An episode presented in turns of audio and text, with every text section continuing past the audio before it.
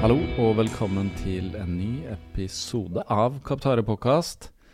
I dag er dette introen rett på. Jeg sitter uh, i det lille studio her på Brynseng sammen med en uh, tatovert mann som har uh, bart.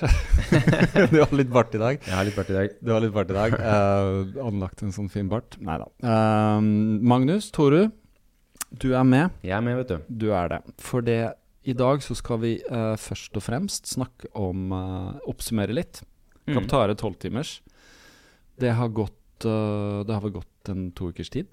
Det har det. Vi har fått tid til å la det synke inn. Ja. Det har vi. Um, så det er liksom hovedtanken i dag, at vi snakker litt om det, og så kan vi se litt hvor det bærer. Det, blir, det står noen ting på blokka her, men det blir litt improvisert, det her. Uh, så da kan vi egentlig bare begynne med å si uh, Vi snakka litt om før vi begynte tilblivelsen av dette løpet, Ja. som da manifesterte seg uh, den 15. april på Sofiemyr stadion. Jeg Jeg kan si det jeg husker, og så kan du også ta over. Men jeg har jo hatt en idé om sånn kaptarmesterskap. Det begynte med et segment på Strava Mm. som noen løp, og dermed kunne man liksom måle hvem som var raskest og sånn. Og så tok jeg i bruk den der Rippel-appen. Ja. Eh, da var jo ikke det løp som var liksom gitt på et tidspunkt. Det var sånn løp det segmentet, eller løp den, og så får den liksom bestemann vinner og sånn. Det fungerte for så vidt fint, men så hadde jeg liksom lyst til å lage et løp som gikk på et tidspunkt. Så spilte vi inn en Patrion-episode her uh, Når var det? I Det, var i, i august i fjor. det var august i fjor, så det er såpass lenge siden. Rett rundt sånn Øyafestivaltider. Stemmer det. Mm. Stemmer det, Du skulle på øya. Ja, riktig. Og så nevner jeg dette for deg, at jeg har lyst til å lage som mesterskap. Og jeg snakket om Da hadde jeg vel litt sånn idé Det skulle ligne på en slags backyard, men jeg Mm. hadde noen andre ideer. Eh, Fikseideer, villaideer. Om det skulle være nitimersløp, om det skulle være å løpe en runde. Uh, fram og tilbake. Det var liksom forskjellig. Jeg, sjek, jeg gikk faktisk så langt at jeg sjekka meg et sånn velhus oppå Ekeberg. Ja. Om jeg kunne leie det og ha det som base for løpere og sånn. Og jeg kunne jo leie det, men det var jo mest sånn brukt til konfirmasjoner og bryllup, så det kosta jo Mm. Det var jo et veldig kostbart sted. Så da ble ikke det noe av. Men så når jeg nevnte det her for deg, og har gjort det før, så sa du tolvtimers. Ja, for du, du var jo inne på det der med altså Det første du sa til meg, var jo uh, Du hadde en idé om et løp, at man kanskje kunne ha et nitimersløp. Og da tenkte jeg sånn Nei, det, det går jo ikke.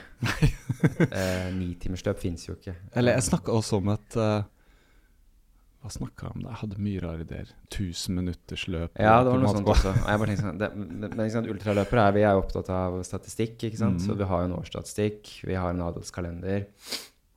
Og da tenkte jeg liksom at ok, uh, det er lenge siden det har vært arrangert et tolvtimersløp i Norge. Sånn ordentlig tolvtimers. Det har jo vært arrangert noen sånne eh, Skuggenatten som går opp og ned et, uh, et sånt fjell som heter Skuggenatten. Ja. Og, uh, man løper opp og ned så mange ganger man kan da, på tolv timer. Mhm. Eh, og så har det vel også vært noe sånn derre Hagemann har vel arrangert noe sånn Vikersundbakken 24 og 12 timers. Mm.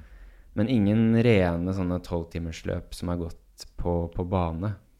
Sist gang det ble arrangert et sånt type løp, var jo i 2016. Inne på Bislett i forbindelse med den ultraløpsfestivalen som uh, Geir Fykholm og Sharon Prodwell uh, Mm. arrangerte. Okay. Uh, og etter det så har det vært lite tolvtimersløp i Norge. Da. Så jeg tenker sånn, det, er, det er kult å få til, få til noe sånt igjen i, i Norge. da. Det trenger vi. Mm. Um, og så er det det der med som å få, få satt i gang det. da, så? Vi, vi, er jo helt, vi var jo helt uh, nybegynnere på det feltet begge to. Selv om jeg vil si at du hadde litt erfaring og deltatt i mye løp, da. Ja, ja. Det har jo litt å si. Og særlig sånn 24-timers og sånne ting som går faktisk sånn som vi begynte å tenke at ja, et sted. Mm. Jeg, jeg hadde jo erfaring som deltakere, men uh, arrangør er jo en litt annen liga, da. Det er det, altså. Det har vi, det har vi lært oss. Ja, for, fordi når du foreslo det for meg i august da i fjor, så var jeg bare sånn Ja, ja, selvfølgelig får vi til det. Det er jo easy-peasy, lemon squeezy. Mm. Eh, og så er det så langt fram i tid, ikke sant? for vi tenkte jo da ikke sant, våren 2023. Mm. Eh, og da var vi fortsatt i august, og jeg var jo i Spartatlon-oppkjøring og høy på Ja, konstant løpehøy, da. Mm, ikke sant? Eh, og tenkte at ok, eh, det blir den letteste sak i verden. Fordi da har jeg også permisjon, ikke sant? Og får sikkert eh, tid til å ja, holde Ja, det husker det. jeg du sa. Mm. Ja, jeg er pappaperm, så da kan jeg sitte og liksom Det blir holde lett. litt med det. Det blir så lett, vet du. Jeg skal bare jobbe litt ved siden av. Ja. Um, mm. Så, ja, men, eh, men det skjedde. Det har skjedd. Um, og det var mye å lære underveis. Uh, heldigvis så Du fikk jo ordna med den banen. Mm. Sofiemyr. Hva kan vi si om den banen? Eller det, den prosessen der, da, med å skaffe bane? Ja. Uh, nei, det var bare å ta kontakt med, med Nordre Follo kommune, da. Ja. Uh, og få høre da om det gikk an å, å, å låne anlegget. Uh, det tok jo også lang tid, fordi ja, de jobber jo ekstremt treigt. Så jeg måtte purre på e-post. Fikk ikke svar. Så jeg tok en telefon til slutt da, og fikk snakket med noen hyggelige mennesker som sa at det lar seg nok gjøre. Ehm, så da var jo bane på plass, men det skulle jo også um, koordineres med når Kolbotn uh, IL, altså topplaget eller uh, elitelaget deres, eh, skulle Mm, spille I kvinneserien. ja, i kvinneserien. Mm. Skulle Mm. spille um, seriekamper. Mm. Og også treninger, da. Så det, det var ikke så mange datoer vi egentlig hadde til rådighet, eller fikk tilbudt fra, fra Kolbotn. Det var vel to datoer i april som egentlig passet. Og det var, var den 15. april, og så var det en annen eh, mot slutten av måneden. Um, så da landa vi på at 15.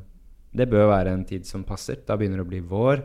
Eh, temperaturen eh, skal være fin å løpe i. Mm. Eh, Snøen er gått. Snøen er gått, Ja. og så videre og Så, videre. så da landa vi på den, da. Mm. Yes. Og så kom den dato ganske fort. Den gjorde det, og ikke bare det. men Altså, den snøen da, som vi snakket om, den, Ja. Den forsvant liksom aldri. Nei, og tidligere kom det ny snø hele tiden. Ja, altså, det snødde jo Sånn generelt så Man føler jo alltid det med hvor mye snø det er og sånn, jeg føler at i år har vært skikkelig vinter og mye snø. Uh, det kom tidlig snø, og den har blitt liggende i hvert fall i marka og sånn, men det har vært mye snø også. Det har det absolutt. Det har vært Mm. kaldt, så ja, vi var på befaring, og da var, da var det masse snø.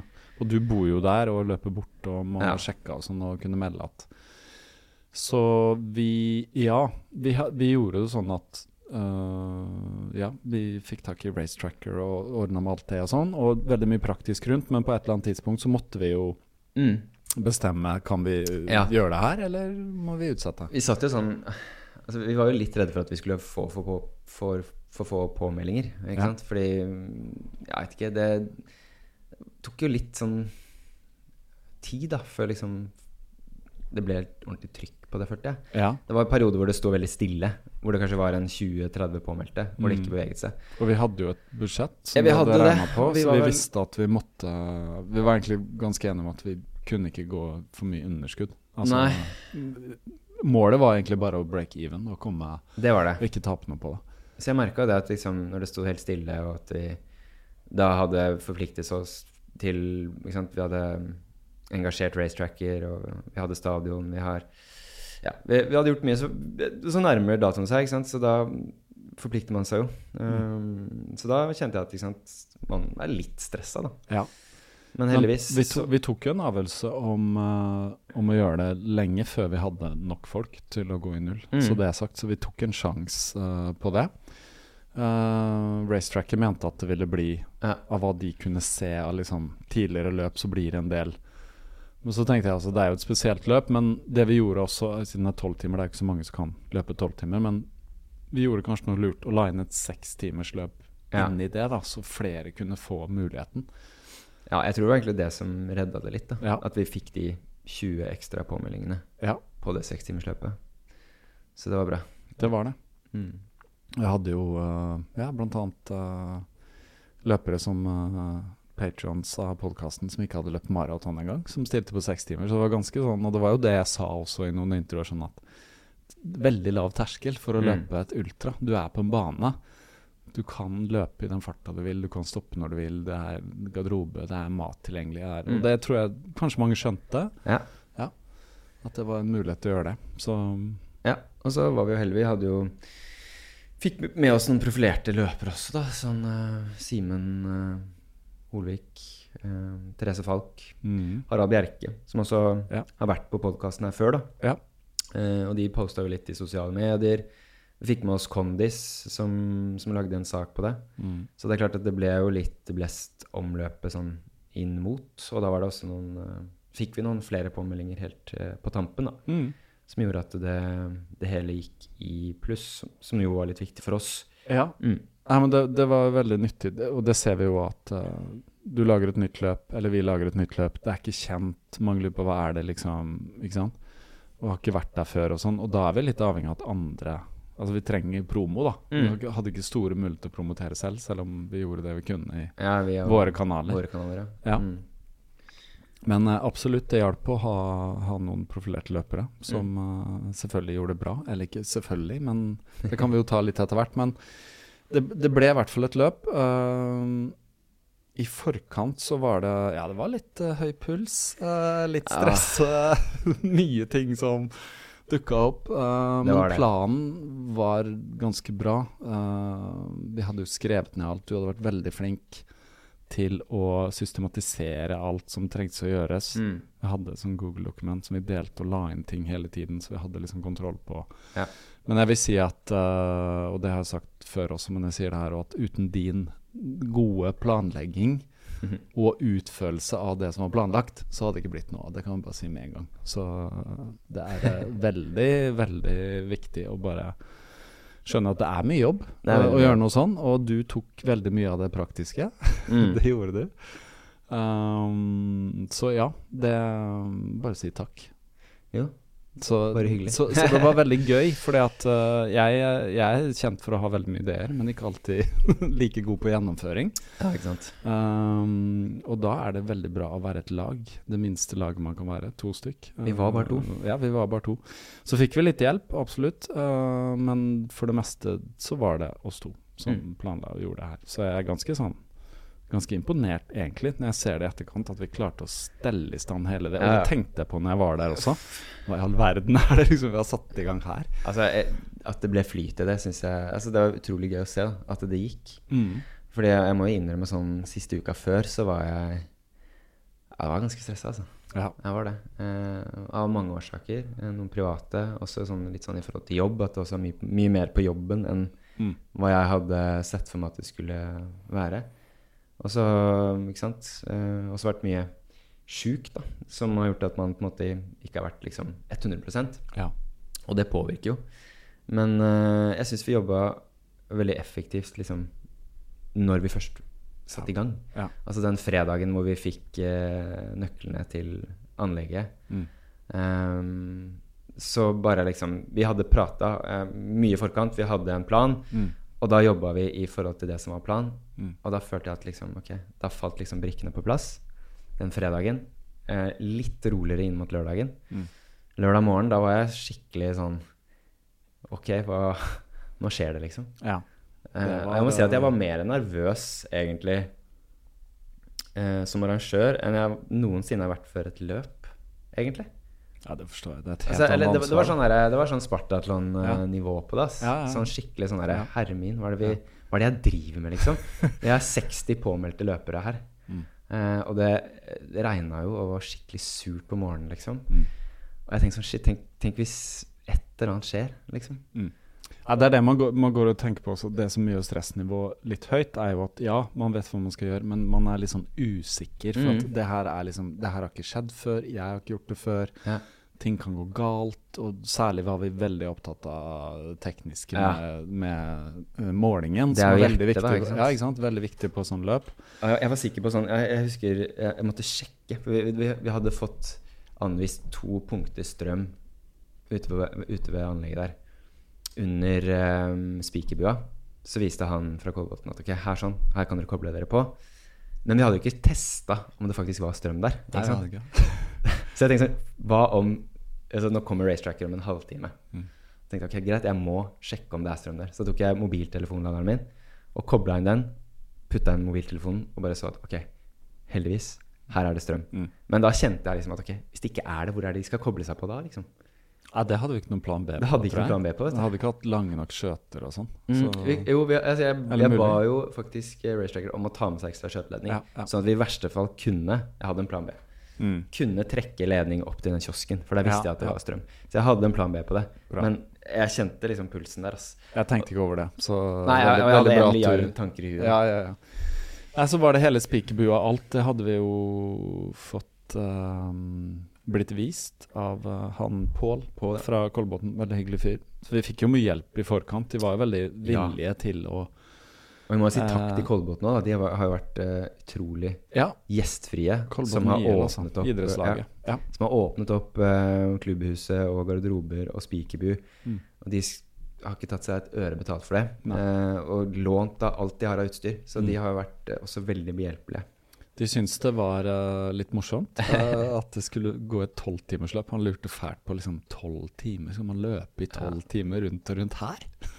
Ja, Han kalte seg de friidrettsfolka, friidrettsfolka, presenterte han Ja, ja, ja. også Ja. til eh, kompisene på klubbhuset. Det stemmer, det. Jeg skal være løpe, løpe, løpe et løp her, liksom. Ja, det var mange som syntes det var litt morsomt. Så nei, det, det var veldig gøy. Så det, det føltes som en sånn Det var en veldig sånn Følte at selv om det er i Oslo, så var det litt utenfor. Det var vel en sånn lokal Mm. greie. Det var en sånn klubbfeeling. Ja, det var Og så er det et fint anlegg, selv om det er noe nedslitt. Det er det. Det er det. Uh, det er kommunen sitt ansvar å holde det her uh, oppe, så um, Ja, jeg kan si litt om rett i forkant. Uh, nervøs, ja. Um, jeg var også veldig nervøs. Jeg skulle Ja, jeg kan bare ta den historien, så kan jeg fortelle litt mer hva som skjedde i etterkant. Men jeg ble forespurt for en veldig lenge tilbake om å fotografere et bilde til en spillefilm som uh, blir spilt inn i Ungarn i april. Og da skulle jeg ta et stillbilde til den filmen som skal være på skjermen. Og eh, det skulle egentlig skjedd sånn jeg var der i påska. Og så ble det utsatt, så ble det sagt 18. Og så sa jeg ja, jeg kan returnere for å ta det bildet. Og så fikk jeg en melding samme uka som Mm. vi skulle arrangere løpet. Ja, kan du komme ned den 16. april og fotografere bildet? Det er bare da vi kan. uh, så sa jeg ja, men dagen før har jeg et veldig viktig arrangement, så jeg må være på det, gå inn i natten, så jeg må dra samme dag. Og så sjekka jeg opp, så går et fly syv om morgenen fra Gardermoen til, uh, til Budapest, som jeg skulle, og så skulle jeg fotografere det her bildet på dagen, søndag 16. april, dagen etter løpet. Og da måtte jeg jo da måtte jeg begynne å planlegge alt på fredag. måtte jeg pakke alt og sånt, for jeg visste jeg var der på Kolbotn hele dagen. Så komme Mm. hjem, bare legge meg og stå opp og gå på flyet. Så da måtte jeg pakke alt og sånn. Men når jeg la meg fredag kveld, uh, så vet du hvordan det er. Ja, nå, skal dette skje i morgen, og skal det skje på søndag. Og begge tingene var jeg like nervøs for. Mm. Så jeg la meg klokka 11, så våkner jeg halv to. Må på toalettet, står opp, begynner å tenke på ting. Og klarer ikke å sove igjen. Jeg tuller ikke. Jeg lå våken til halv Skjønner. fem, og så da bare Jeg bare står opp, jeg. Så jeg får meg en lang frokost her og bare får til alt.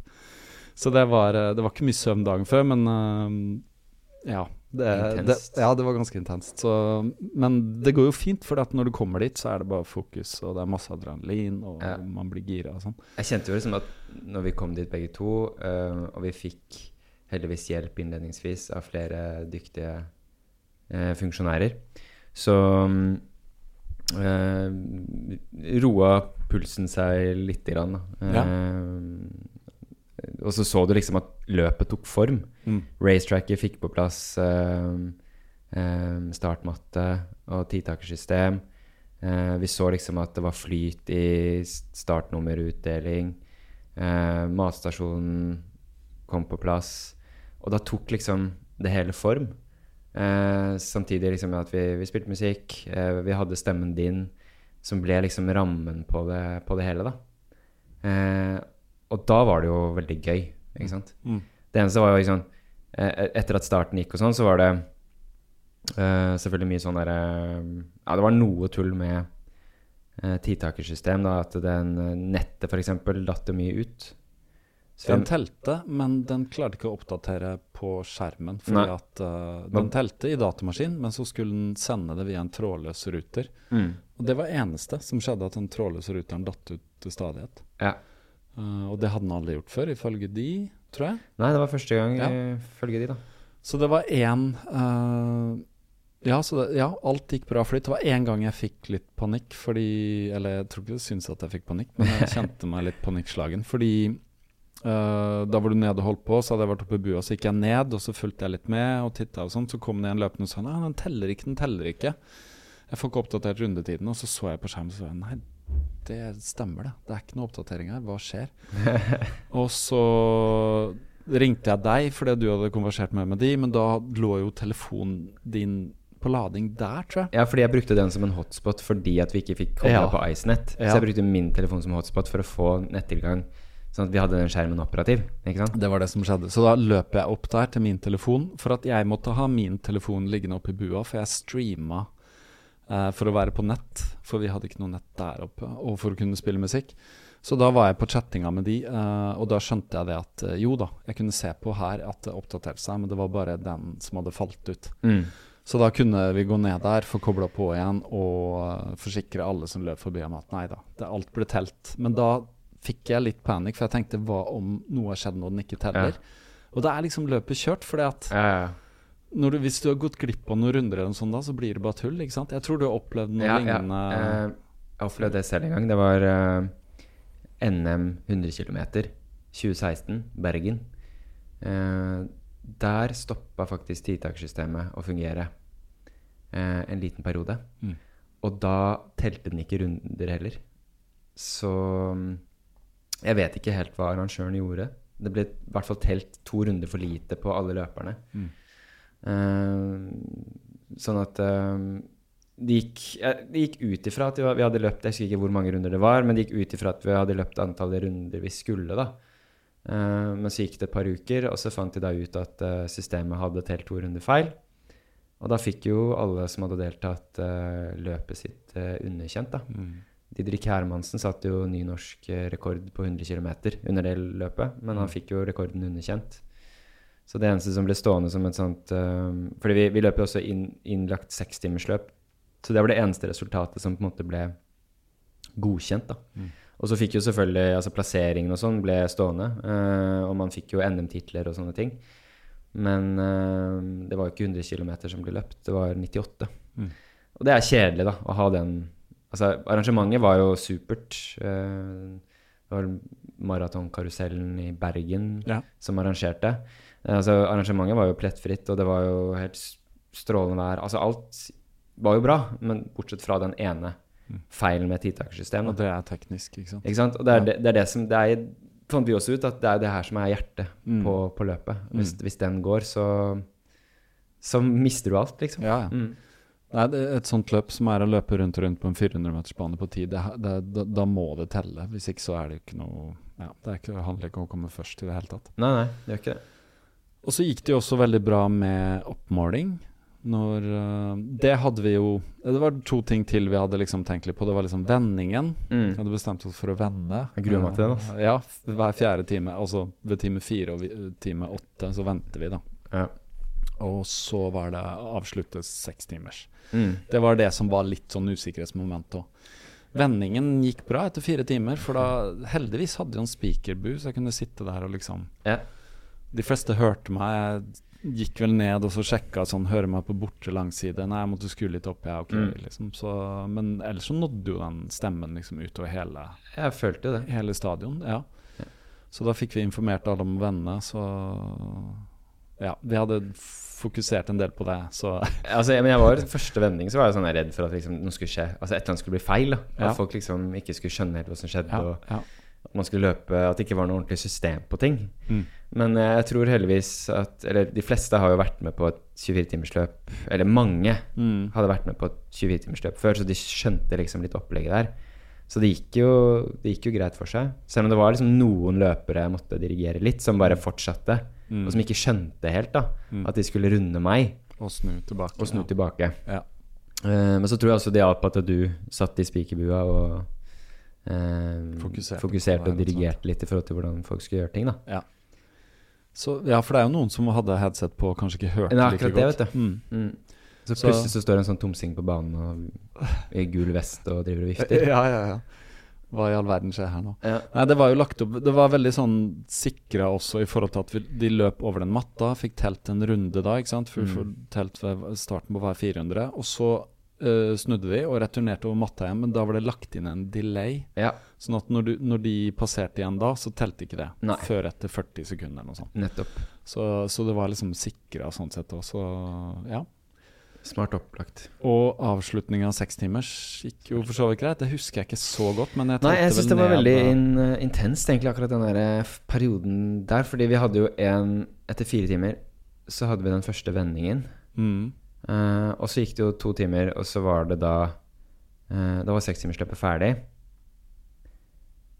Eh, stemmer ikke det? Jo. Jo, og da måtte de bare stoppe. Og så hadde vi sagt det, gå ut i bane fem, for det, ikke Ja, ja. Så det var liksom mye som skjedde da, fordi da var det først oppmåling eh, av eh, Oppmåling av sekstimersløperne. Og så var det jo premieutdeling rett etter det. Mm.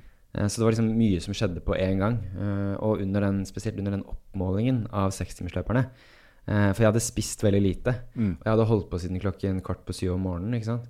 Så da nærmet vi oss uh, en del timer, da. Uh, Nesten en full arbeidsdag, Mm. om ikke lenger. Så da, da kjente jeg liksom at ok, nå, nå er jeg i ferd med å svime av, faktisk. For jeg hadde spist så lite. Ja, ja, ja. Uh, så jeg, jeg, husker jeg måtte konsentrere meg veldig liksom, på, på den oppmålingen og drive og se på, på hjulet der og den, de tallene, hva som, hva som sto. Ja. For du gikk rett og slett rundt med et oppmålingshjul som måler antall meter. Ja. Så det stoppa hver. Men det, det systemet funka også veldig bra. Du kunne legge inn Og Ja. det ble oppdatert bare to, to sekunder etterpå, liksom. Ja, vi hadde en sånn uh, kiosk, som man kalte det, da, på, på nett, hvor vi bare la inn tallene via et sånt system inne på Racetracker. da. Mm. Og så oppdaterte det seg med en gang. Det gjorde det. Så det ble jo veldig nøye. Ja, det var kjempebra. Og eh, ja, så var det en del happy folk som da var ferdig med sekstimers. Mm. Som ikke hadde løpt så langt før. Og mm, jeg, nå Vet du hva, jeg, nå har jeg ikke gjort jobben her, for jeg husker ikke i farten hvem som vant sekstimers. Men det kanskje du kan finne fram, fordi Ja, det var jo Vi hadde premieutdeling. Uh, det hadde vi da mens tolvtimers foregikk, så da var det jo Da satt jeg faktisk oppe i spikerbua og leste det høyt, og det var også litt koordinasjon for å det var litt morsomt, fordi eh, du skulle annonsere Vinnerne, Eh, ikke sant. ja, ja. Og resultater, da, eh, rett og slett. Ja, ikke sant? Og så måtte jeg drive også uh, kommunisere med deg via Messenger. Ja. Så jeg sa liksom Les opp neste, liksom. Ja, les opp neste, altså. ja, for jeg så utdelingen og sånn, men så satt jeg litt og venta. Er de ferdige nå? Kan jeg ta neste nå? Ja, så da var det sånn Ja, du sendte nummer to. Yes. Ja, men de raskeste på sekstimers uh, var i hvert fall eh, på, på kvinneklassen så var det Kristine Rønningen. Som løp eh, ja, rett over 62 km. Mm. Andreplassen så hadde vi Marianne Årdalen. Som løp 61,8. Og så var det Siri Bergfall på tredjeplass med 58,1. Uh, I herreklassen så hadde vi Bjørnar Melum som løp eh, 67,4 km. Eh, så hadde vi Nicolai Marken på andreplass. Han uh, bikka akkurat 67 km. Og så var det Tor Erik Olsen da, som kom på tredjeplass med 63,7 km. Ja. Det var tett der mellom første og andre. Det var det. Ja. det, var det. Men uh, mange glade sekstimersløpere. ja, det var det. Thomas Stordalen endte jo på fjerdeplass uh, i herreklassen. Uh, og persa med 10 km, tror jeg det var, på, på Han var sekstimers. også på rundt 63, eller noe sånt. Eh, ja, rett under ja, 62,5, da. Ja. Mm. Han var i hvert fall veldig glad. Ja, han var bra. han altså. Ja, det, var, det var veldig morsomt å se at det var mange som uh, tok den utfordringa der. Og jeg har jo også bare løpt sekstimers. Sånn i- jeg har ikke løpt tolv. Så tøft nok, det, altså. Ja, ja, ja. Men det var morsomt. Det var mange som debuterte på ultra. Uh, blant annet uh, han Bernt, han som er Bernt Natvig Ja, debuterte. patron. Ja. Det var veldig gøy å se at han, han stilte. Mm. Så det var han som ikke hadde løpt et maraton engang. Så, så var det innlagt maratontid. Ja, det, var det også. Så man kunne få den registrert. Og den teller også som uh, godkjent løp i den 100-klubben. Altså Ja. for 100 maraton. Ja, Mm. så det er bra. Uh, det var noen som var opptatt av det på 12 Ja, timer. det var det. tror jeg. Ja. Ja, både 12 og 6 timers. Ja, ja visst. Men deretter fortsatte jo bare tolvtimersen. Uh, da ble det litt færre mennesker og Færre funksjonærer. færre funksjonærer. ja. Ja. Det var noen funksjonærer vi hadde med oss bare tidlig på dagen. Uh, ja, for vi var vel et team på seks stykker, tror jeg, fra morgenen av. Ja. Um, og så forsvant det to stykker. Stine, min Mm. samboer, og Sindre. Mm. De forsvant sånn rett over ti, halv elleve. Mm. Eh, Stine var jo litt sånn fra og til med ulike ting som vi hadde behov for. Typ Mm. vannkoker til kaffe, Mm. pledd til frysende og kalde funksjonærer som Ja. satt ved matstasjonen. For det må vi si at det var kaldt. Det var det, altså. Jeg gikk i boblejakke Ja, og hadde Ja. Altså, jeg hadde flere lag med ull og hettegenser. Altså, jeg, jeg frøys. Ja, jeg òg var etter hvert. Jeg frøs etter hvert. Det var, det var ganske kaldt. Uh, det, det, så det var sånn sett, så var, sånn værmessig, så var jeg litt bekymra for det om morgenen. Så jeg fulgte jo med været. Snakk om å følge med mye på Yr Ja. også i dagene i forkant. uh, men den morgenen vi kom til banen, uh, så lå det litt sånn sludd, litt sånn slush på banen. Og bare nevne det også, det jeg prøvde på Jeg og han ene, han vennen din som var uh, Fridtjof. Fridtjof, vi gikk rundt med sånn langkoster og prøvde liksom koste vannet av banen da, Mm. over på matta. Ja, det var som å måke snø for åpen himmel. Altså. Ja, det var liksom Jeg fikk bort det vannet, og liksom det jeg fikk inn på den matta, trodde jeg kom til å suge inn, men den var helt soaka. Så alt bare kom tilbake igjen. Så jeg gikk rundt hele banen og prøvde å koste det vannet, og alt Det var veldig gøy å stå oppe og se på dere.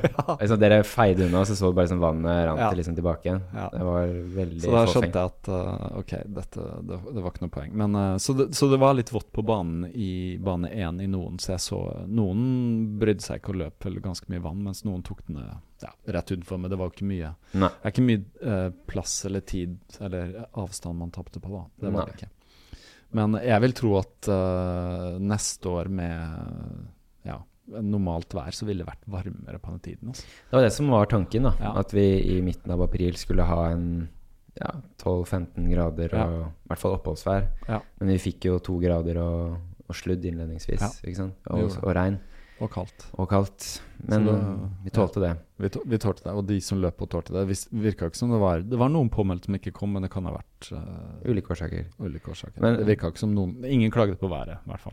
Men tilbake igjen til det vi snakket om sånn i forhold til funksjonærer, da. Fordi vi hadde jo da uh, seks stykker. To forsvant jo um, rundt ti, halv elleve. Og da var vi deg og meg, og så var det Fridtjof og Cecilia. Mm.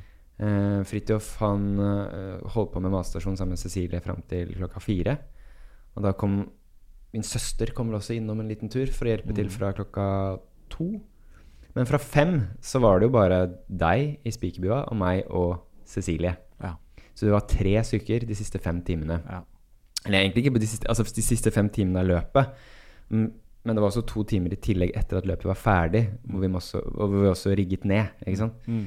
Eh, og Cecilie, hun må jo Altså, hun må jo få en ekstra Altså gigantisk eh, stor tusen takk eh, fra oss, fordi hun eh, Altså, hun sto på fra klokken sju og ja, gjorde omtrent alt. um, fra matstasjon til å vaske toaletter til å ja, til å rydde langs banen. Altså hun, hun var uh, Uten Cecilie så hadde ikke ting eh, gått så, så bra, tror Nei, jeg. det, det hadde ikke gått. Vi hadde ikke jeg- fått ut den maten på den matstasjonen. Selv om vi sa at det var et self-support, det var det, så ville vi jo stille med uh, mat og drikke. Mm.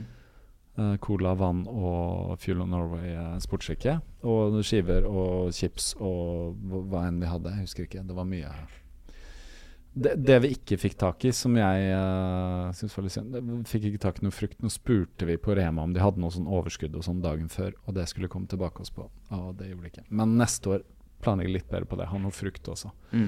Det hadde vært bra. Um, men ja, Men- det var i hvert fall Folk var jo fornøyd med Ja. det. Ja. Men om Cecilie ikke hadde vært der, Mm. så tror jeg du også Da hadde det liksom ikke blitt så mye resultatservice og Nei. Da det- tror jeg du måtte jobbe mye mer. Da måtte jeg vært der masse mer. Ja. Mm. rett og slett. Ellers så var det Det var ikke så mye jeg sa oppi den bua. Det var liksom å komme med resultater innimellom. Det som var gøy, var å spille musikk, for vi hadde jo Ikke det at jeg spilte så mye musikk, men jeg hadde lagd en Spotify-liste, så hadde du og jeg lagt inn ganske mye. Og Ja. så åpna vi den, sendte ut en e-post i forkant til de Og så la folk inn. Og noen la inn. Og den ble nesten Den ble over 13 timer, den spillelista.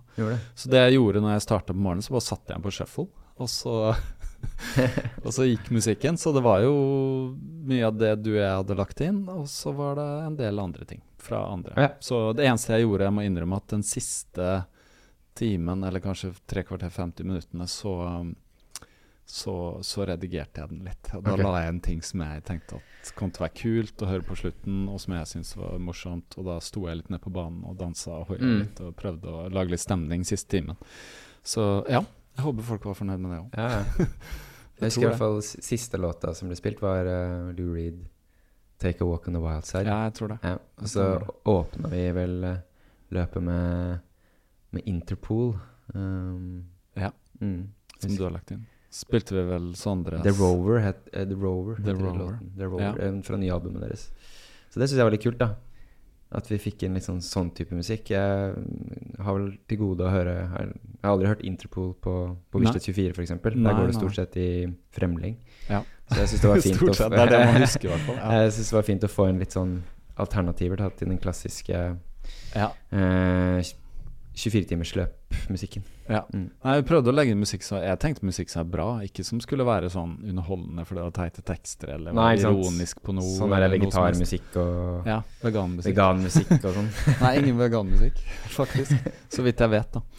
Uh, ja, nei, det er litt morsomt at uh, det er sånne temaer der. Men uh, ja, vi gjorde det litt annerledes. Men det fungerte i hvert fall. Musikk er som sagt mangler Ja. med headset. Men, Og vi fikk faktisk ganske mye tilbakemeldinger på at musikken var bra. eh, Ja, det er flott. Altså løpere som syns at vi hadde Ja. et godt utvalg av Ja. uh, musikk, da.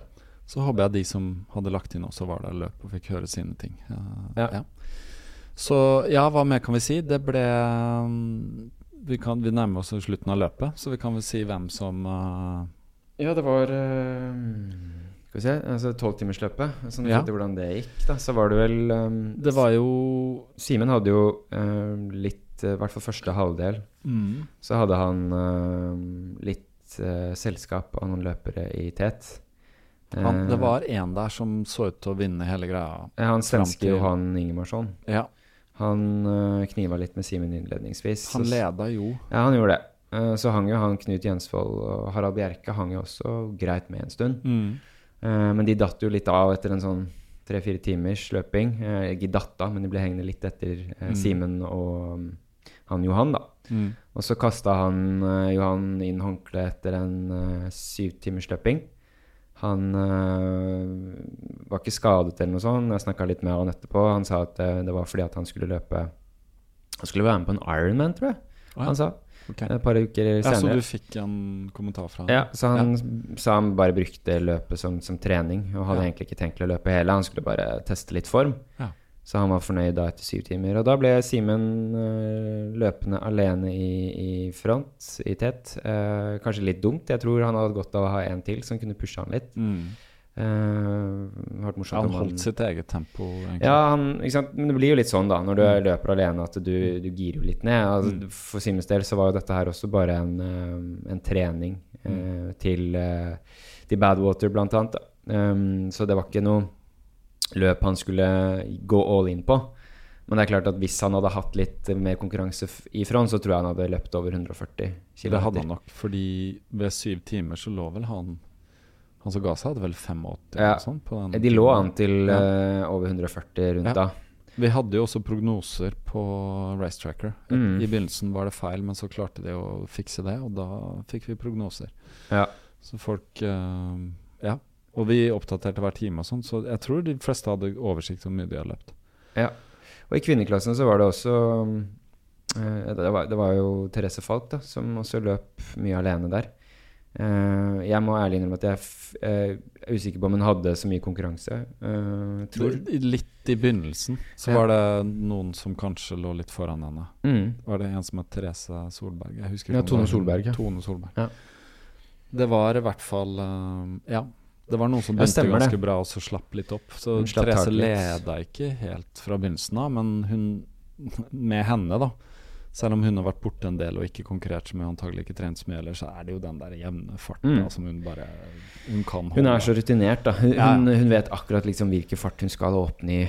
Ja. eh, Hun vet, løp vel i den farta som hun Ja. Når hun persa på 24 timer. Mm. Bare i en sånn pace, tror Ja, jeg. hun løp altså 12-timers-splitten hennes på det 24-timersløpet fra 2021. Eh, jeg tror hun løp 133 eh, km på Bislett 24 i 2021 ved 12 timer. Mm. Eh, så hun var 1 km ca. bak eh, den 12-timers-splitten hennes fra 2021. da. Ja.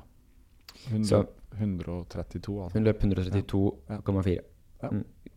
Så hadde du som, som sagt Tone Solberg da, på andreplass uh, med 117,8 km.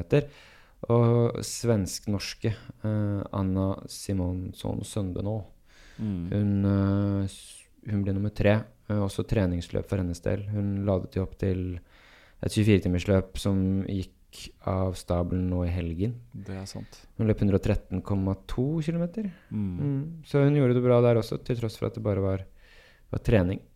Ja, hun gjorde det veldig bra. Hun ble ganske gira. Jeg husker jeg snakka litt med henne. Hun liksom ba meg sjekke sånn, hva er rekorder for U23 og litt sånn. Um, eh, så jeg tror hun gjorde, hun gjorde det bra i forhold til U23 sånn på verdensbasis, tror jeg. Men Mm. uh, jeg tror ikke hun var sånn all in, for hun hadde et løp som sagt om to uker. Men hun ja, hun løp jo, absolutt. Mm. Uh, og ganske, ja, ganske gira. Ja. Og så må vi også ta med oss altså, Vi snakket jo innledningsvis litt om hvordan det gikk med herrene, men vi nevnte vel ikke resultatene. Nei, det gjorde vi ikke. vi sa vel at Simen han løp eh, rett under 140 eh, km. Han endte opp da på 138,3. Eh, og det er, eh, det er bra. Det er faktisk eh, På den norske adelskalenderen da, Mm. så er det det tredje beste resultatet, tolvtimersresultatet gjennom tidene. Mm. Da skal det også legges til at det, det er løpt bedre på tolvtimers. Altså hvis du tenker 24-timers, og så er det løpere som har løpt lenger på tolvtimer eh, på 24-timers. Mm. Mm. Hvis du bare tenker tenker som har brutt? Eh, Nei, som har fullført eh, Ja, ja, ja. Altså Hvis du tenker tolvtimerssplitten på et 24-timersløp, mm -hmm. så er det løpere som har løpt lenger. Mm. Eh, men hvis du bare tenker tolvtimersløp, da, som denne adelskalenderen gjør, så er det det tredje beste resultatet Ja. av en nordmann i et tolvtimersløp noensinne. Eh, så det er kult da at vi får det på Sofiemyr uh, stadion. Det er veldig bra. Ja. Um, og det skal også sies at det, det, er, det er Selv om det bare er Simen sier at det bare er et treningsløp, så, så vil jeg påstå at det er, det er sterkt å løpe rett under 140 på et tolvtimersløp. Det er det absolutt. Så har du også Knut Jensvold som kom over 130 km. Han løp 138, kom, nei, 132,8. Og Harald Bjerke da på en fin uh, tredjeplass uh, rett under 130 med 129,3 Mm. km. Mm. Så ja, godt løpt av disse herrene, altså. Meget godt. Nei, det var, det var bra resultater, og jeg er heldig, jeg føler vi er heldige da, som hadde såpass uh, profilerte og gode løpere Ja, ja. som både Simen og Therese. Og gøy med hun Anna, som var på podkasten tidligere. Ja. Som jeg inviterte. Veldig gøy at hun kom over. Um, hun fikk noen som reiste over for å gi henne support og sånt, så hun er veldig sånn Ja. um, Så hun var superhappy. Um, hun lagde en morsom video i etterkant Mm. som jeg kan prøve å lenke til. Og så var det også Du sendte meg en når jeg da var Jeg husker jeg var på flyplassen i Budapest på vei hjem. Mm. Så hadde du sendt meg en link til en svensk podkast. Det var du som gjorde det, ikke sant? ja. Ja. Ultraaktuelt. Ultraaktuelt. Med Daniel Westergren. Ja. Han som eh, er arrangør for PRT i Sverige. Ja. Han har jo også en egen podkast. Han er en sånn ildsjel i ultramiljøet i Sverige. ja. Litt sånn samme typen som Ja, hva skal vi si sammenligne med? Olav Engen-aktig. Ja, ikke sant? Ja. Og der var det Jeg hørte ikke hele den podkasten, men du var sånn spol fram til ja, ja, det var. Sofie Myhr. Ja. Sofie Myhr, kaptære tolvtimers. Ja. Ja, det var kult. Det Ja, det var kult, for de intervjua jo henne, da. Ja. De snakka med henne, og selv om det ikke var så fokus på løpet, så var det i hvert fall sånn Ja, det ble nevnt der, og det var Det er moro. stas. Det er moro. Sett Sofie Myhr på kartet, vet du. Og så var de litt opptatt av det kan jeg si med hun Anna, at først når hun meldte seg på, så hadde hun meldt seg på um, eh, som svensk statsborger for en klubb, men så endra hun det. Hun har faktisk blitt en eh, BFG, BFG heter Løper, det. Fana. Mm. Den, eh, det er det den heter, ikke sant? Ja, BFG Bergen, er det ikke det? Er det det? Ja. Ja, nå er jeg svar skyldig her. Det er i hvert fall eh, klubben til, eh, til Ingrid Lid og Bjørn Tore og, og flere av de. Ja, det er BFG Bergen løpeklubb. Det er BFG Bergen, ja. Mm. Unnskyld at jeg sa faen av alle i Bergen, ok? Dere vet det. Jeg mente det ikke. Bergen, selvfølgelig. BFG Bergen. Så ja, hun løper nå. Det, ja, så hun er litt sånn Ja, det satses. Uh, hun er litt sånn Ja, det er litt sånn proff eh, tankegang der. Hun har fått uh, sponsor og Ja, ja. alt mulig. Det har hun. Det har hun, vet du. Så er en norsk gammel skiløper som har lagd eh, Klær. Ja. Mm. Ikke han eldste. Nei, han litt yngre. Ja, han litt yngre. Ja. Nei, men det er morsomt. Jeg vet du hva, jeg unner henne innmari. Tenk så gøy, da, å bare liksom være 19 år og så være litt sånn der, liksom, at det skjer og sånn. Det er veldig kult. Så kan vi jo nevne at hun løper i helgen, da, siden vi er Ja. på temaet. Og det gikk jo ikke helt uh, etter planen hennes, tror jeg. Nei, det tror jeg ikke heller. Hun, Hun- hun brøt etter eh, jeg vet ikke hvor lenge, men hun løp ganske langt. da Jeg tror hun brøt eh, Etter rundt 12-13 timer eller litt mer. halvveis, ja. Ja. Mm. Så sikkert mange grunner til det. Jeg vet at hun posta en uh, sak nå som jeg så i dag, uh, men jeg vet ikke når hun posta, men jeg så den i dag på Instagram, at det var midt i en ja, ugunstig tid i hennes periode. Mm. Eh, så hun var litt sånn åpen på det. Vi må snakke litt om det. Så Mm. ja. Men det kan være så mangt. Hun, hun hadde ikke dagen. Så Nei. da er det helt fair å kaste inn håndkleet. Det er mange som har gjort det. Vi kan ta med oss uh, fra det løpet at han eh, Torbjørn uh, Gyllebring, som også har Ja. løpt Bislett 24 før, Mm. han satte ny svensk rekord på 24-timersløp. Uh, han løp 272 km.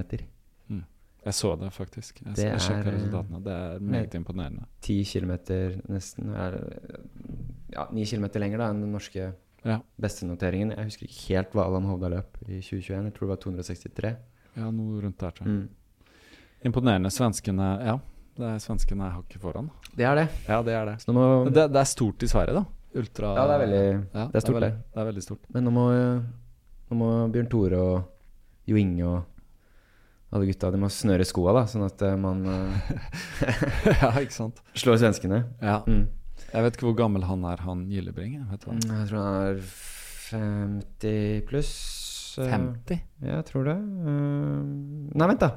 Eh, han er 81. Født 81? Ja. Ja, Da er han ikke så gammel. Nei, 42. han er da fem år eldre enn meg, da. Ja. Så han eh, Ja. Han har eh, fortsatt Ja, ikke sant. Jeg vet ikke hva som er peak eh, er vel sånn rundt alder, ja. Er ikke det rundt sånn 45? Jo. Mellom 40 og 50. Men det blir jo stadig pressa lenger, blir det ikke det? ja, Det som er kult, altså, du ser nå, nå kommer jo da disse Det kommer flere yngre inn i sporten, da. Ja. Sånn som Anna. Og så Mm. han uh, Alfons. Alfons, ja. Han er vel også 18-19 år gammel. Han Så- løp da, eller? Ja, han løp også den uh, i Veksjø nå. Uh, men han brøyt også halvveis. Han løp jo over 200 i, i desember. Det gjorde han jo. Med deg der, stemmer. Ja, stemmer. Ja. Men han måtte bryte halvveis, han også. Nei, men imponerende. Uh, lag, uh, arrangerer de flere 24-timers i Sverige? Uh, ja, de har, sånn. de har I Veksjø så er det vel de er PRT, som da er i desember, sånn rundt Lucia-tider. Mm, inne, inne? Ja, innendørs. Og så er det Mm. en utendørs også, som heter Vek Veksjø Ultrafest. Som går da i april. Det var den nå. Ja. sant? Ja. Eller- den går ikke på en friidrettsbane, den går på en annen. Den går i en sånn rundløype. Ja. Mm. Ikke sant? Utendørs. Så det vi har på en bane utendørs, det er egentlig ganske eh, spesielt, altså. Hva da? At vi Ja, er ja at, å ha løp på en bane, en 400-metersbane, Eh, er ja, ganske spesielt. Det er eh, vel ja. ingen andre altså sånn som Hvis du ser en del andre timesbaserte løp, hvis du tenker Ringerike sekstimers f.eks.. Mm. Uh, den har vel gått en sånn kilometersløype. Ja. Den har vært innom den idrettsbanen som ligger ved Ligger ved Hønefoss, uh, altså Aka AK Arena. Ja. Der har du en idrettsbane. Uh, så Ringerike sekstimers gikk jo rett ved den banen en del år, og så ble den flyttet til det industriområdet vi har løpt Det var de det de siste årene. Ja, Ja. Hvor du var med. Men nå er den tilbake nå der? I år så arrangeres den ikke, Ja, Eh, men nei, i fjor så var den også der. Ja. og der er det en rundløype på en kilometer. Mm. Uh, og så har du um, Bislett 24 er vel egentlig den nærmeste du kommer på en måte inne på en bane, da. Mm. Men den er jo fortsatt 550 et eller annet lang. 543, er det det? Ja, noe sånt. Jeg husker aldri det. Nei, nå, jeg pleier å huske det. Men den ja. går jo også i og for seg inn på en bane, da. Mm. Men de, det er veldig det, Jeg kommer vel ikke på noe annet ultraløp som uh, i Norge som går inne på en Eller ute på en 400-metersbane. Altså PRT gikk jo innendørs på en 380 meter lang bane, da. Mm. Men den var også litt sånn rar lagt opp. Det var ikke en idrettsbane på samme måte som Du var liksom innom en annen Ja. og litt sånn? Ja. Du Ja. løp liksom via en sånn sprintbane, og så Mm. inn på liksom en, en annen Mm. bane igjen. Så det, var- det var liksom sånn Det var litt merkelig lagt opp. Men uh, nei, i hvert fall i Norge så har de ikke noen andre øh, timesbaserte løp som går på idrettsbane 400 meter. Nei.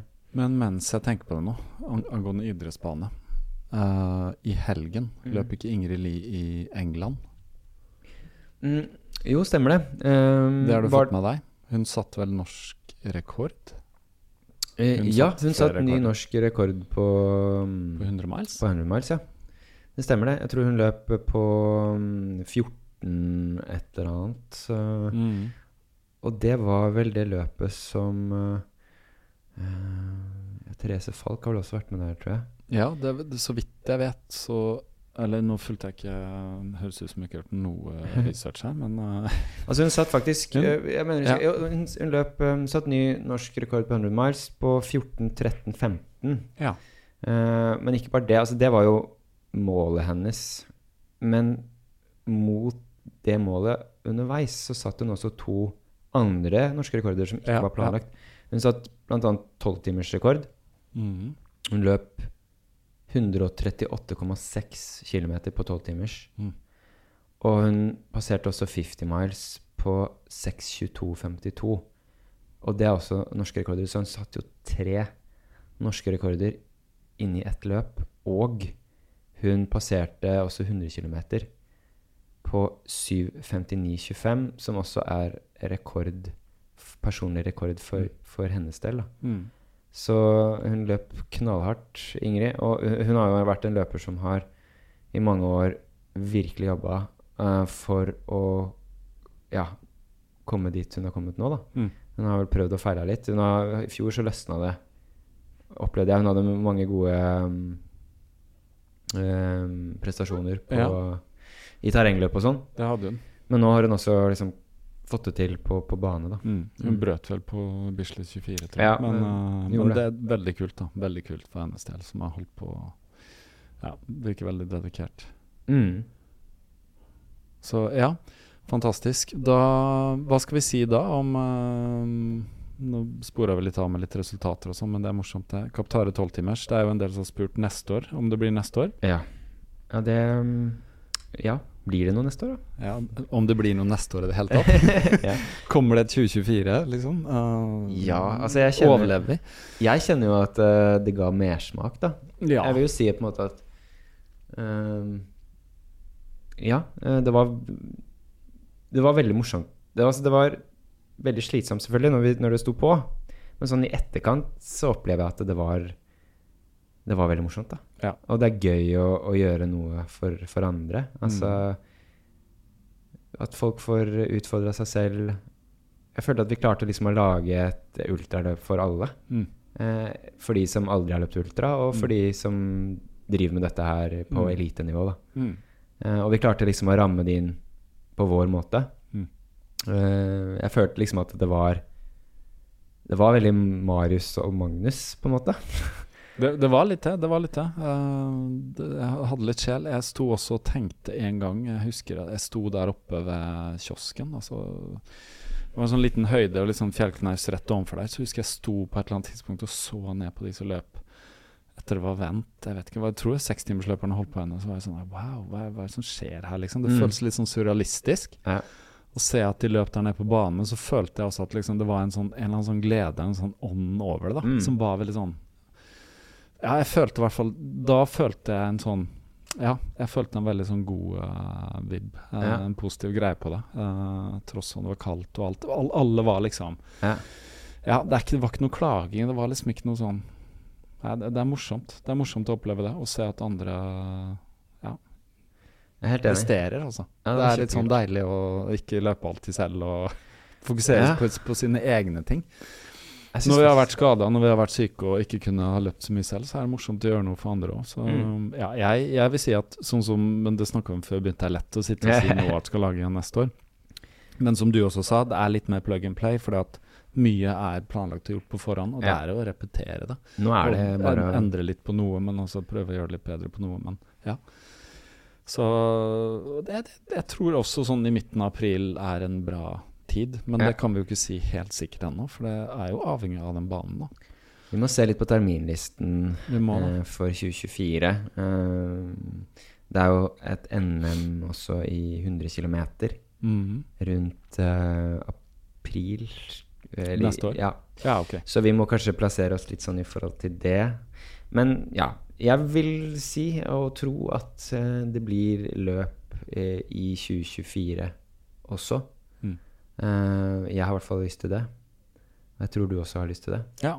jeg har det sånn som det ser ut nå. Så må vi være litt sånn med forbehold, fordi eh, i forhold til sånn garderobesituasjonen og sånn Det kan hende at neste år så Det kommer helt an på hvor fort kommunen får ut fingeren med å oppgradere garderobesituasjonen på Ja. klubbhuset der, for det, De den er jo altfor dårlig. Ja, De skal pusse opp, men det vet vi jo ikke når. Nei, så det kan hende at vi Vi får sikkert låne anlegget og spikerby og sånn, men det kan hende at folk må skifte ut i det fri, da.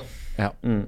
det kan være. Det er også faktisk muligheter for å skifte opp i kiosken og sånn, men det, blir, det er ikke noe garderobe Jo, vet du, det er faktisk garderobemuligheter der, men det er jo ikke på, det er ikke på lik linje med det som Nei, det var veldig, veldig lite.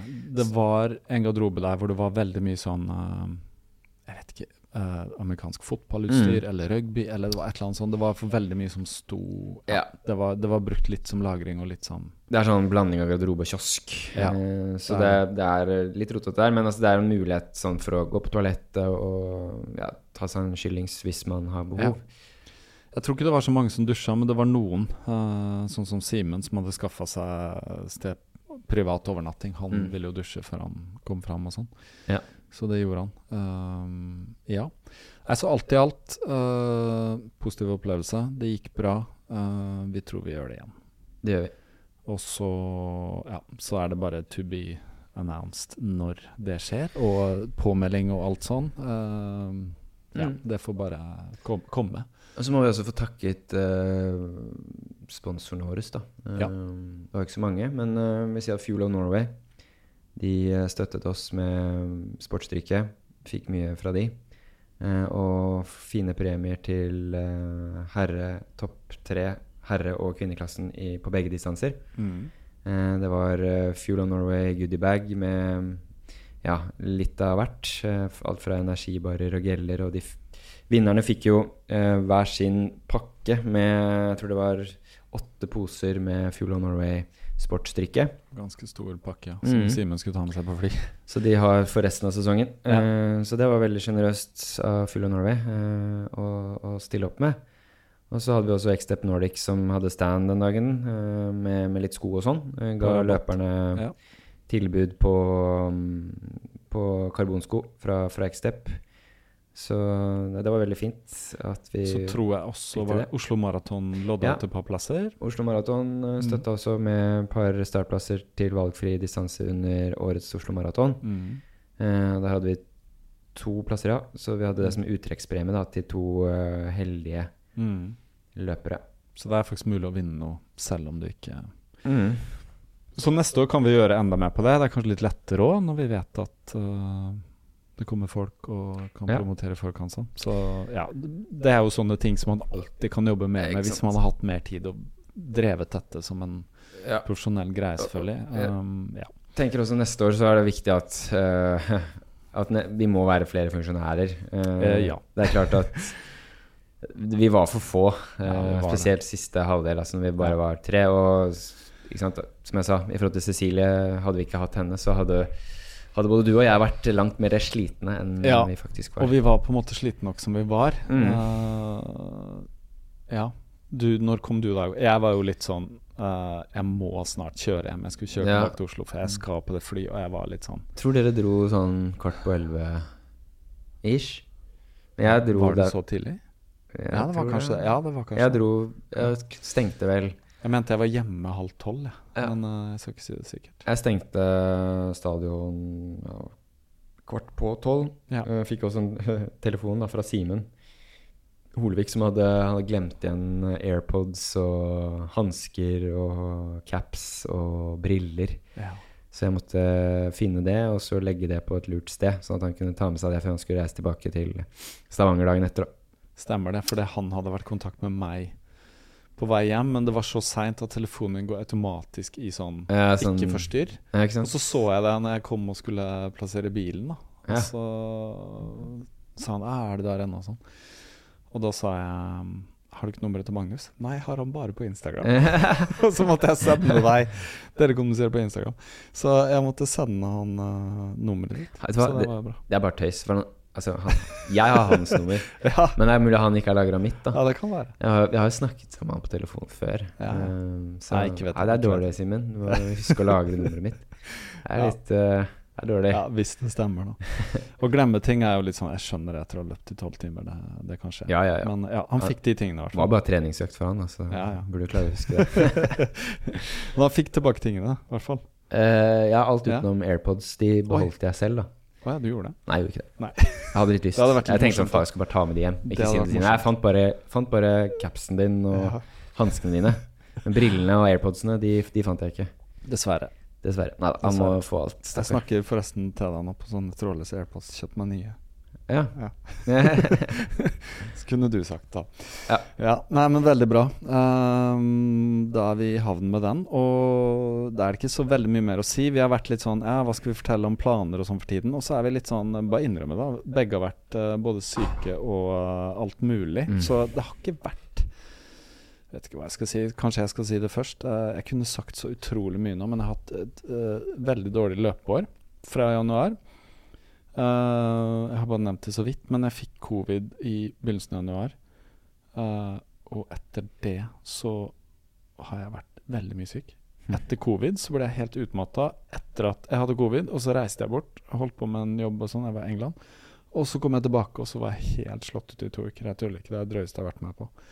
Så da ble det litt løping i januar. Uh, og så ble det litt løping i februar, men jeg hangla hele tiden. Og så kom det til mars, ble mye bedre. Løp ganske mye, det var oppe i 160 eller noe sånt. Så kom jeg til påska, og så ble jeg syk igjen. Og nå har jeg knapt løpt. Så det jeg har skjønt, da, uten å gå i dybden på det, at jeg har en eller annen sånn kronisk virusinfeksjon. Eh, og det må jeg bare eh, bruke tid på å bli frisk fra. Mm. Og det er, så vidt jeg forstår, det er jo litt sånn nytt, da, men etter eh, covid, eh, det man kaller long covid, det er veldig ofte knytta til andre infeksjoner, virus, som har sett sitt snitt. Ja. Så jeg leste jo også en undersøkelse som var sånn Mange som har long covid, har aldri hatt covid. Så det sier jo litt at uh, faktisk så er det Vi har vært ekstremt fokusert på covid-virus, koronavirus. Uh, men det fins mange andre virus Mm. som herjer. Og ja, trenger ikke gå inn på navn og sånt, men uh, de er ganske kjente. Ja. Så, og det er sånne ting som er uh, permanent. Uh, for jeg har lest Jeg har bare lest så utrolig mye om det her. Jeg bare si det Jeg har lest så mye om det, for jeg har lyst til å finne ut hva er det som feiler meg. Så jeg har funnet ut at uh, det er liksom Det er mange typer virus, men et koronavirus Når du blir, får det i kroppen, så er det litt sånn Enten så dør du, eller så dør det viruset. Det er Mm. sånne virus som prøver å ta livet av deg. Oi. Selvfølgelig så Ja, i 99 av tilfellene så, så dør det, ikke sant? Ja, men det, det blir du kvitt. Ja. Sant? Men øh, grunnen til at vi var veldig bekymra for covid, var at det tok livet av så veldig mange. Ja. Og særlig eldre og sånn, og syke. Uh, og det var drøyt influensavirus, kan du si. da Mm. Men så er det andre virus som du får i kroppen, men som ikke prøver å ta livet av deg. Målet deres er bare å bli værende, liksom. Mm. Så, og det visste jeg ikke da, før jeg begynte å løse, lese om det her. Men f.eks. så er uh, kyssesyken mononukleose eller noe sånt, heter det egentlig. Som veldig mange får i tenåra. Mm. Det er et virus du aldri blir kvitt i etterkant. Du kan godt slå det ned, og det kan ligge, men det kan ligge latent. Okay. Og så kan det blusse opp igjen seinere. Og det er et av de virusene som um, Det viruset heter Epstein-Barr-virus. Det kan du bare google opp. EBV. Ja. Og det, det er en av de virusene som menes er um, Som kan lage infeksjon i kjølvannet av korona. Ja, du har hatt det. Fikk jo det etter Spartatlon. Du gjorde det. Og du, jeg vet du har hatt virusinfeksjoner siden, og det er derfor jeg nevner det. Fordi, og jeg har det mest sannsynlig etter å ha hatt sånn kystsyke som ung. Uh, ja, så det, det, er helt vilt når du begynner å lese om medisinske ting og sånn, og du skjønner liksom Så, ja. så akkurat nå så er jeg ganske bra. Uh, men det er så veldig sånn Jeg får så lett infeksjoner igjen, så jeg bare Mm. Så jeg kan ikke, jeg, ikke, jeg skulle løpe maraton i Wien for uh, halvannen uke siden. Jeg måtte bare kaste en ankel på det. Og sånt. Så nå er det, handler det litt om å bare komme tilbake også. Men da, uh, for å se det på en positiv måte, så tenker jeg sånn Ja, greit, får bare begynne litt på nytt igjen, da. Uh, der hvor jeg var før. Får bare Ja. begynne å fokusere på korte løp og bygge seg opp og gjøre de tingene der. Så får ultra alt bare vente, altså. Marius Hauge 2-0. Ja, minst. Altså, jeg må tro jeg tror jeg enda lengre versjon enn det, men Jeg tror det er Magnus Torud 4-0. Ja, ja. Jeg, jeg vet ikke om man kan liksom Ja. Ikke sant. ChatGPT 4.0. Vi, vi må være kommet lenger enn ChatGPT. Ja. Så ja, Nei, men uansett, så det er litt sånn Så mine planer nå er å egentlig bare kunne løpe jevnt og trutt igjen uten eh, å bli syk og uten å slite med ting. Og, ja. Mm. Så herregud, man blir litt sånn helse og sånn når man uh, må tenke på det.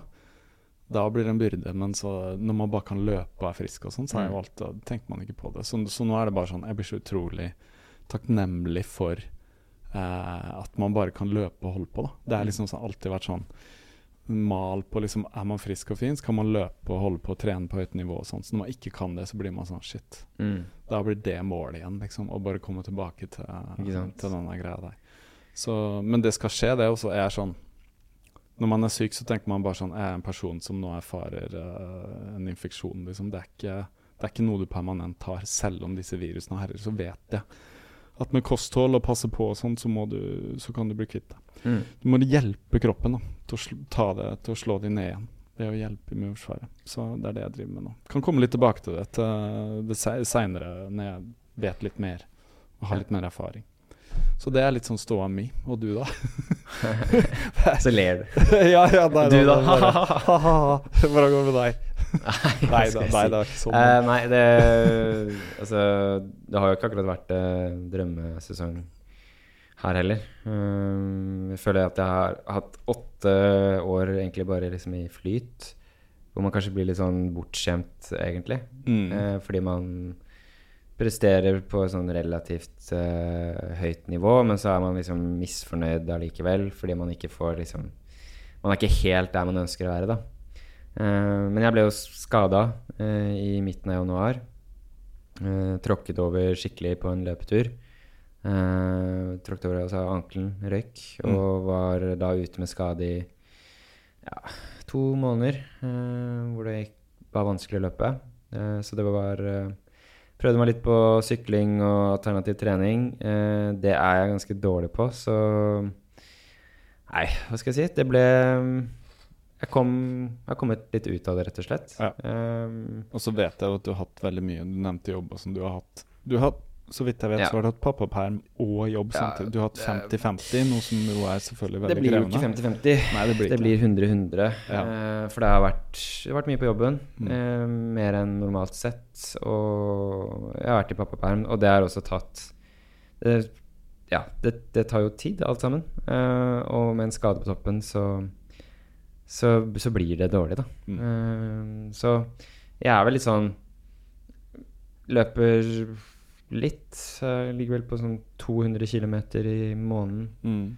Men foten ble bra igjen, eller? Ja, foten er, er Ja, bra nå. Jeg kjenner liksom lite til det. Sånn, med noen bevegelser så kan jeg kanskje merke det bitte litt. Mm. Men foten er helt fin. Formen derimot er Ja. gredelig. Ja. Den er Jeg tror ikke den har vært så dårlig på ti år, for å være helt ærlig. da. Eh, så det er mye arbeid som skal gjøres der. Ja. Eh, så ja, jeg, Da er du, det er nesten litt sånn med deg òg, da. At du må begynne litt Det er bygge Magnus opp på nytt. 2-0, ja. Ja, Magnus- du må, ja, du må begynne litt på nytt, da. Og bygge opp til Ja, jeg må begynne helt på nytt. Ja. Um, det må jeg. Og Ikke helt på nytt, selvfølgelig. Det føles veldig sånn, da. Uh, selv om jeg har jo noe i Jeg har jo en, har et fundament der. eh, Ja, det er det. Så det er ikke helt, helt, helt Nei, på men nytt. det, det går går vel ikke- mer kondisjon, sikkert, da. Ja, ja. Og så er det sikkert noe muskulært også. Man taper jo en del Mister jo noe muskelmasse. Og jeg Man tror gjør det. Man jeg, gjør det. jeg løper jo faktisk et arrangørløp uh, i påsken. Sekstimers. eh, Relativt rolig på en snøfylt Sofiemyr stadion. Da løper jeg 57 km. Ja, så så det- det, det er så det- krise er det ikke, faktisk. Nei da. Det hadde jeg- ikke jeg vært i stand til. Altså, Nei. sånn. Men sant? jeg har jo hatt lyst til uh, Målet i år var å løpe NM 24-timers Mm. uh, 17.6 på Hell. Eh, jeg har jo fortsatt lyst til det, men jeg er usikker rett og slett på liksom om helsa mi Det høres så teit ut. Mm. Uh, alltid hatt helse til å løpe og delta på det jeg vil, men jeg må ta litt hensyn til selvfølgelig familien min. Mm. De forpliktelsene jeg har der. Uh, men også helsa, da. Fordi den har ikke vært helt sånn som jeg har ønsket at den skulle være denne sesongen.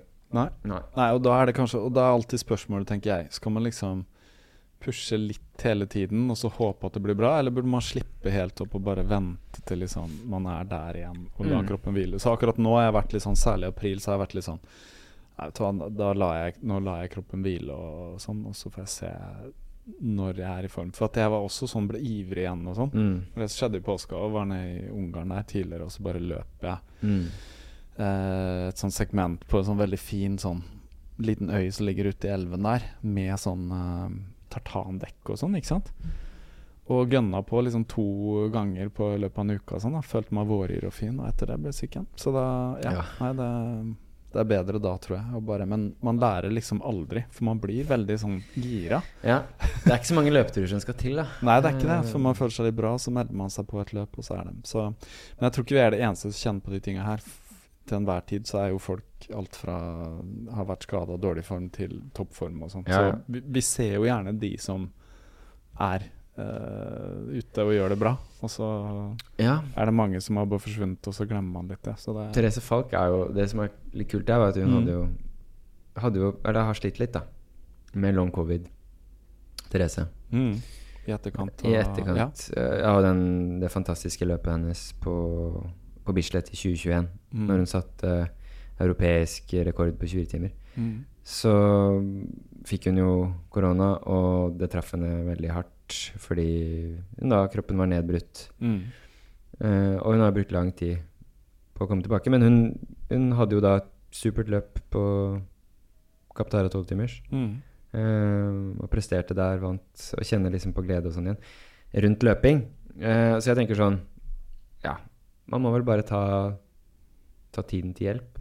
Man må det. Og så må, hvis man vil, så kommer man jo tilbake igjen. Er ikke det? Ja, det er det. Og så er det det hvor langt fram skal man legge fokuset.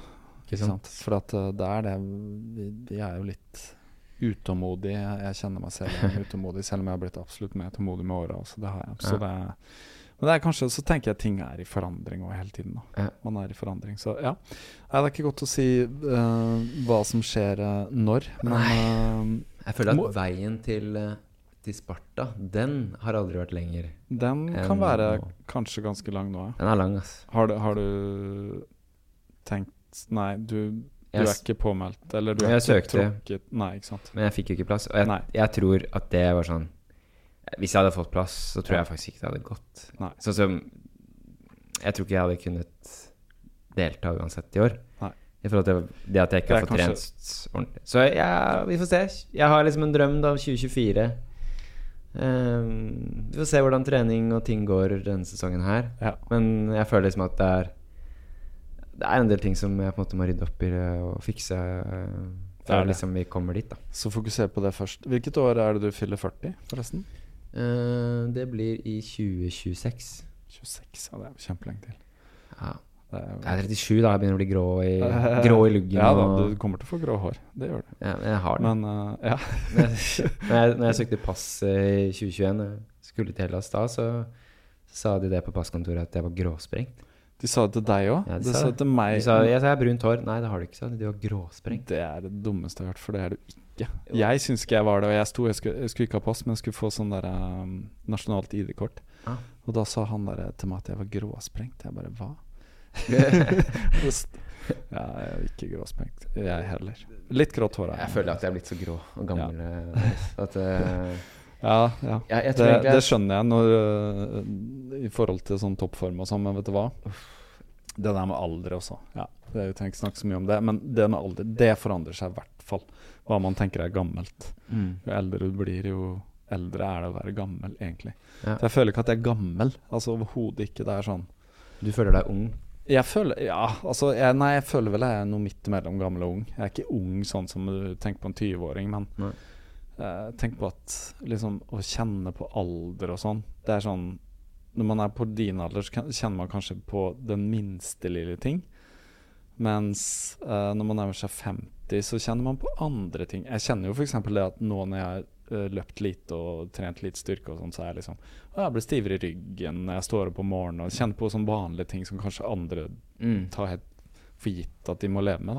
Ja. For meg er ikke det Så det er litt sånn hvordan man ser det. Jeg aksepterer liksom ikke at det er ingenting som er over, og man er ikke Men det er kanskje sånn ja, Nei, jeg kommer kanskje ikke til å løpe like fort på 10 km eller halvmaraton igjen, som jeg var veldig fokusert på, men, men hvem vet? Kanskje Hvem jeg skal vet? ha det som et fokus. så Ja, så, ja. så jeg, jeg vet ikke, men det er i hvert fall eh, Det gøye med å bli eldre er at du lærer jo du, det endrer seg. Holdning endrer seg. Ikke sant? I verste fall, hvis alt går ad undas, så kan vi jo bare arrangere. Ja, vi kan Vi har jo Kaptare tolvtimers. Kanskje ja. vi skal satse på en serie med, Ja, ja. med Kaptare-løp. Kaptareløp? Ja da.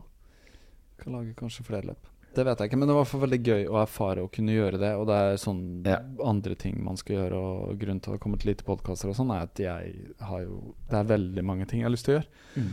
Så ja, det Hvem vet. Men det var for gøy å sitte her med deg i dag. Nå tror jeg vi har dratt en eh, Jeg vet ikke hvor lenge vi har holdt på, for Nei. jeg ser ikke displayet, men en god stund. Det har vi. Vi har fått oppsummert løpet godt, og vi har fått uh, prata om litt andre ting. Eh, men det var først og fremst løpet. Uh, og så vil jeg bare ønske eh, lytterne god uh, 17. mai-feiring. Selv om det er fortsatt to uker der vi sitter. Det går fort. Så det sånn, ja, det går veldig fort. Mai er en gøy måned, for da skjer det veldig mye. Og sånn Og så kommer liksom blomstrer det, eller det liksom, blir sommer, da. Så jeg ser fram til, uh, etter en lang vinter, å ha en, et halvt års tid med, med lyse tider og sånn. Mm. Det blir gøy. Det blir bra. Og kunne løpe, absolutt, for man kommer tilbake. Og kunne bade og alt det der. Skal det si sies at det snødde jo i går, da. Ja, det gjorde det. 1. mai. Faktisk. Jeg var Mm. litt sånn hei, hei, hei. Men det er greit. Det Tøff er- vinter, ass. Ja, det Tøff er vinter. tøff vinter, men det, sånn er det innimellom. Ja. Er det noe annet du har lyst til å si før vi ehm, sier farvel? Det blir ikke noe avslutning etter denne. Det Nei, går rett på vi- tonene til uh, Sondre Lekke. Yes. Nei, jeg tenker at vi har oppsummert bra, Marius. Ja, vi har det. Mm. Så sier jeg takk, takk for at uh, du eh, var her. Takk, Takk. for meg. Takk til eh, lytterne som eh, kommer tilbake tross noe ujevnt eh, eh, episodeutgivelse. Og takk til Patrons som henger med. Og så sier vi på gjenhør en. Ha det godt. Ha det.